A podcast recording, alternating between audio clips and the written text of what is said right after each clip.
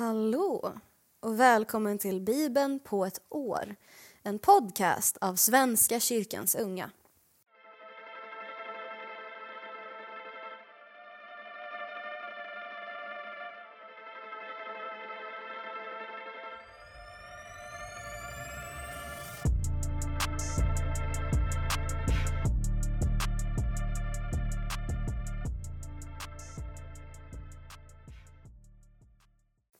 Jag heter Matilda Hellgren, är 23 år gammal, pluggar teologi, dansar, sjunger och är med i Svenska kyrkans ungas arbetsgrupp för kristen tro och identitet. Och för er som inte vet vad Svenska kyrkans unga är så är det Svenska kyrkans officiella barn och ungdomsorganisation. Svenska kyrkans unga är en demokratisk rörelse av barn och ungdomar i Svenska kyrkan. Vi vill med Kristus i centrum och med dopet som grund verka i hela Guds skapelse och vara en gemenskap i församlingen där vi får växa i tro och ansvar. Det är alltså vår syftesparagraf. Och i och med detta så har vi lite olika aktiviteter och årsmöten och läger och träffpunkter för oss ungdomar, barn och ungdomar i Svenska kyrkan att träffas och utveckla vår kristna tro tillsammans. Jag ska läsa för er idag, igen. Sista dagen för den här veckan. Söndag. Äntligen söndag, säger jag. Vi ber. Tack Gud för den här dagen. Tack Gud för söndagar. För varje söndag vi får gå till kyrkan. Och varje söndag vi vill. Och varje söndag vi kanske inte vill, men ja, söndag som söndag. Tack för alla du har lett in i vår omgivning.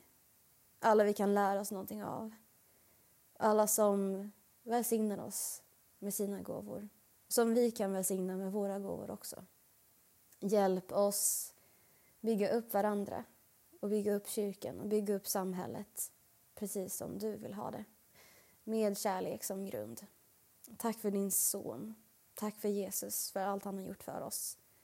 Vi ber att du vägleder oss in i din kärlek.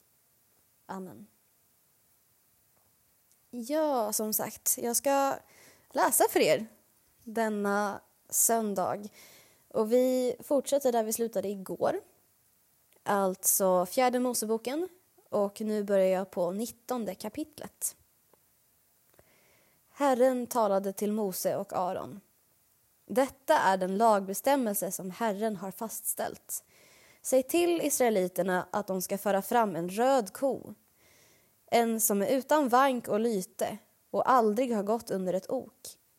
Ni ska överlämna den till prästen Elasar och den ska sedan föras utanför lägret och slaktas i hans närvaro. Därefter ska prästen Elazar ta av dess blod på fingret och sju gånger stänka blodet mot uppenbarelsetältets framsida. Sedan ska kon brännas upp i hans åsyn. Hud, kött och blod ska brännas allt sammans med inälvorna. Prästen ska ta cederträ i såp med karmosinröd ull och kasta det på bålet där kon ligger. Han ska tvätta sina kläder och bada och får sedan komma in i lägret men är oren till kvällen. Den som brände kon ska också tvätta sina kläder och bada och vara oren till kvällen. Därefter ska en man som är ren samla upp askan efter kon och lägga den på en ren plats utanför lägret. Den israelitiska menigheten ska ta hand om askan och använda den till reningsvatten. Detta är ett syndoffer. Den som samlade upp askan efter kon ska tvätta sina kläder och vara oren till kvällen. Detta ska vara en oföränderlig stadga för israeliterna, liksom för invandrarna som bor hos dem. Den som rör vid ett lik, vem den döde än må vara, ska vara oren i sju dagar. Han ska rena sig med askan den tredje och den sjunde dagen och är sedan ren. Om han inte renar sig den tredje och den sjunde dagen förblir han oren. Var och en som rör vid ett lik, en död människas kropp, och inte renar sig Han orenar Herrens boning. En sådan skall utstötas ur Israel eftersom inget reningsvatten har stängts på honom är och förblir han oren. Detta är lagen. När en människa dör i ett tält ska alla som går in i tältet eller redan befinner sig där vara orena i sju dagar. Alla öppna kärl, de som inte är täckta och överbundna, ska likaså vara orena. Och var och en som ute i det fria rör vid någon som stupat för svärd eller avlidit på annat sätt, vid benen från en människa eller vid en grav ska vara oren i sju dagar. För att göra den orene ren igen ska man ta aska från det förbrända syndoffret och blanda det med friskt vatten i en skål. Därefter ska en man som är ren ta en isopkvist, doppa den i vattnet och stänka på tältet och alla kärlen liksom på dem som befunnit sig där inne eller på den som rört vid benen, vid den stupade eller avlidne eller vid graven. Den rene mannen ska stänka på den orene den tredje och den sjunde dagen. Den sjunde dagen gör han honom ren. Då skall den renade tvätta sina kläder och bada, och när kvällen kommer är han ren. Men den som blir oren och inte renar sig, han ska utstötas ur församlingen. Ty han har orenat Herrens helgedom. Inget reningsvatten har stängts på honom. Han är oren. Detta ska vara en oföränderlig stadga för folket. Den som har stängt reningsvattnet ska också tvätta sina kläder och var och en som rör vid reningsvattnet ska vara oren till kvällen. Allt som den orena berör blir orent och den som rör vid honom blir oren till kvällen. Hela Israels menighet nådde fram till Sinöken i första månaden och folket slog sig ner i Kadesh där dog Miriam och där blev hon också begravd. Men menigheten led brist på vatten och de samlades kring Mose och Aron. Folket anklagade Mose och sa om vi ändå hade fått dö när våra bröder dog inför Herren. Varför har ni fört Herrens församling till den här öknen där både vi och vår boskap går under? Varför har ni fört ut oss ur Egypten och tagit oss till detta eländiga ställe? Här växer varken säd eller fikon eller druvor eller granatäpplen och här finns inget vatten att dricka. Mose och Aron lämnade då församlingen och gick till uppenbarelsetältets ingång där de föll ner på sina ansikten. Då visade sig Herrens härlighet för dem. Herren talade till Mose. Ta staven och kalla samman menigheten, du och din bror Aron ni ska tala till klippan i deras åsyn. Då kommer den att ge ifrån sig vatten. Så skaffar du fram vatten åt dem ur klippan och ger menigheten och boskapen att dricka. Mose tog staven som låg inför Herren, så som han hade blivit befalld, och Mose och Aron samlade församlingen framför klippan. Mose sade till dem, hör på, upprorsmän, Ska vi skaffa fram vatten åt er ur den här klippan? Så lyfte Mose handen och slog två gånger med staven mot klippan. Vattnet forsade fram och både menigheten och boskapen fick dricka. Men Herren sade till Mose och Aron, ni litade inte på mig och höll mig inte helig inför israeliterna. Därför kommer ni inte att föra denna församling in i det land som jag har gett dem. Detta var ett Meriva-vatten, ett anklagelsevatten. Israeliterna anklagade Herren, men han visade sin helighet bland dem. Från Kadesh skickade Mose följande budskap till kungen av Edom. Så säger din bror Israel. Du känner till alla de vedermödor vi fått utstå. Våra fäder flyttade ner till Egypten och vi bodde länge där. Men vi, liksom våra fäder, blev förtryckta av egyptierna. När vi åkallade Herren hörde han våra rop. Han sände en ängel och förde oss ut ur Egypten. Nu befinner vi oss i Kadesh vid gränsen till ditt område. Låt oss få tåga genom ditt land. Vi kommer inte gå över åkrar och vingårdar eller dricka vatten ur brunnarna. Vi går längs Kungsvägen och viker inte av åt vare sig höger eller vänster förrän vi har passerat ditt område. Men svaret från Edom löd Ni får inte tåga genom ert land. Om ni försöker hindrar jag er med vapenmakt. Israeliterna svarade Vi kommer att följa stora vägen och om vi och vår boskap skulle dricka av ditt vatten så ska vi betala för det. Det är inte mycket vi begär, bara att få gå rakt igenom. Men Edom förbjöd dem att passera och drog ut mot dem med en stor och slagkraftig här. Israel fick alltså inte tåga genom Edoms område utan vek undan för edomierna. Israeliterna bröt upp från Kadesh och hela menigheten kom till berget Hår. På berget Hår, vid gränsen till dem, sa Herren till Mose och Aron. Aron ska förenas med sina fäder. Han får inte komma in i det land som jag har gett åt israeliterna. Ty ni trotsade min befallning om att riva vattnet. Du ska ta med dig Aron och hans son Elasar upp på berget Hår. Ta av Aron hans dräkt och klä hans son Elasar i den.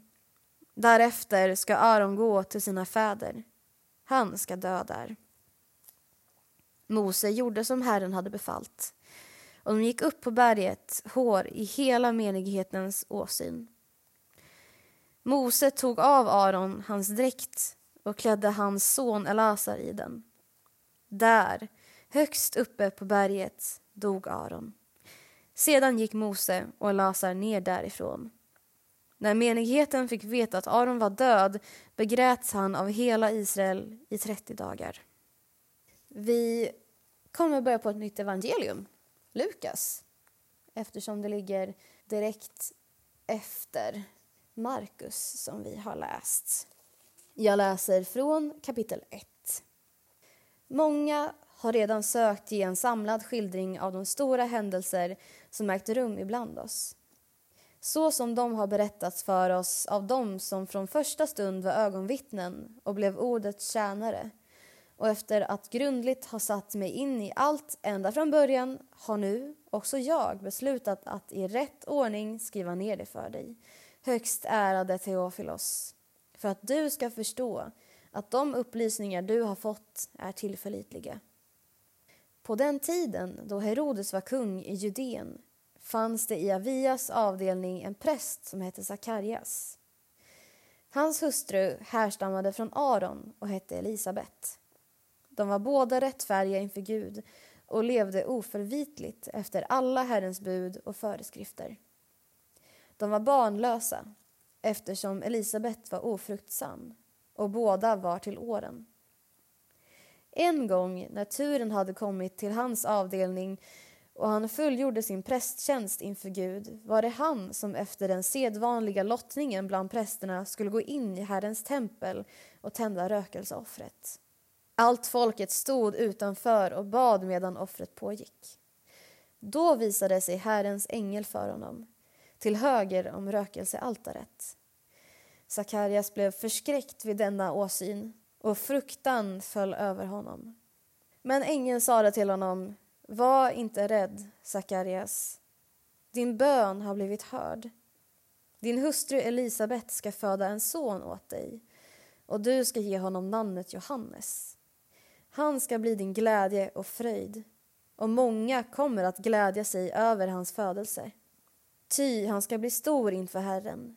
Vin och starka drycker ska han aldrig dricka. Han ska uppfyllas av helig ande redan i moderlivet och han ska få många i Israel att vända tillbaka till Herren, deras Gud. Och han ska gå före honom med Elias ande och kraft för att vända fädernas hjärtan till deras barn och ge de ohörsamma ett rättfärdigt sinne så att Herren får ett folk som är berett. Sakarja sade till ängeln Hur ska jag få visshet om detta? Jag är ju gammal och min hustru är till åren. Ängeln svarade honom Jag är Gabriel som står vid Guds tron och jag är utsänd för att tala till dig och ge dig detta glädjebud. Men du ska bli stum och inte kunna tala förrän den dag då detta sker eftersom du inte trodde på mina ord som ska gå i uppfyllelse när tiden är inne. Folket stod och väntade på Sakarias och undrade varför han dröjde in i templet. När han kom ut kunde han inte tala med dem och de förstod att han hade haft en syn i templet. Han måste göra tecken åt dem och han förblev stum. När dagarna för hans tjänstgöring var slut begav han sig hem. Efter en tid blev hans hustru Elisabet havande och i fem månader höll hon sig i avskildhet. Hon sade till sig själv, detta har Herren låtit ske med mig. Nu har han tänkt på mig och befriat mig från min skam bland människor. Fint att också Elisabet får barn. Och det blir ju Jesus kusin då, så att säga. Om jag ska spoila, eller ja, nu, nu är det ju kanske redan spoilat i de andra evangelierna. Jag ska också läsa från Saltaren, nummer 56. För körledaren, ett kväde av David när filisterna hade gripit honom i Gat. Förbarma dig, Gud, jag är förföljd, ständigt utsatt för angrepp. Fienderna förföljer mig ständigt. Många angriper mig och ser ner på mig. När jag är rädd förtröstar jag på dig. På Gud, jag prisar hans ord. På Gud förtröstar jag och är inte rädd. Vad kan dödliga göra mig då? Ständigt sårar de mig med sina ord. De har ont i sinnet mot mig. De gaddar sig samman och ligger på lur. De vaktar på mina steg. De står efter mitt liv. Löna dem för deras ondska. Gud, slå ner folken i din vrede. Du har mätt upp min oro. Samla mina tårar i din lägel. De är uppskrivna i din bok. Mina fiender ska vika när jag ropar till dig. Då vet jag, Gud är med mig. På Herren jag prisar hans ord. På Herren jag prisar hans ord. På Gud förtröstar jag och är inte rädd. Vad kan människor göra mig då? Jag har gett mina löften till dig, o Gud. Jag ska infria dem med tackoffer. Ty du har räddat mig från döden, räddat mig från att falla. Så kan jag vandra inför Gud i livets ljus. Ja, det var lite som en slager det här med refrängen. På Gud, jag prisar hans ord. Det, det var det första jag tänkte på när jag läste detta. Jag ska också läsa Ordspråksboken, kapitel 11, vers 8. Den rättfärdige räddas ur trångmål. Den onde drabbas i hans ställe. Spännande, spännande. Och nu säger jag för sista gången den här veckan tack för att ni har lyssnat. Och tack för att jag har fått läsa för er. Vi ber tillsammans, Gud som haver. Gud som haver barnen kär, se till mig som liten är. Vart jag mig i världen vänder står min lycka i Guds händer. Lyckan kommer, lyckan går. Du förbliver Fader vår. Amen. Tack. Nu lämnar jag över till nästa talare som jag tror är Oskar igen, som vanligt, om inte annat. Glid i frid och ha det bäst. Njut av fastan, eller om ni nu fastar eller någonting. Ja, Guds frid. Hej då!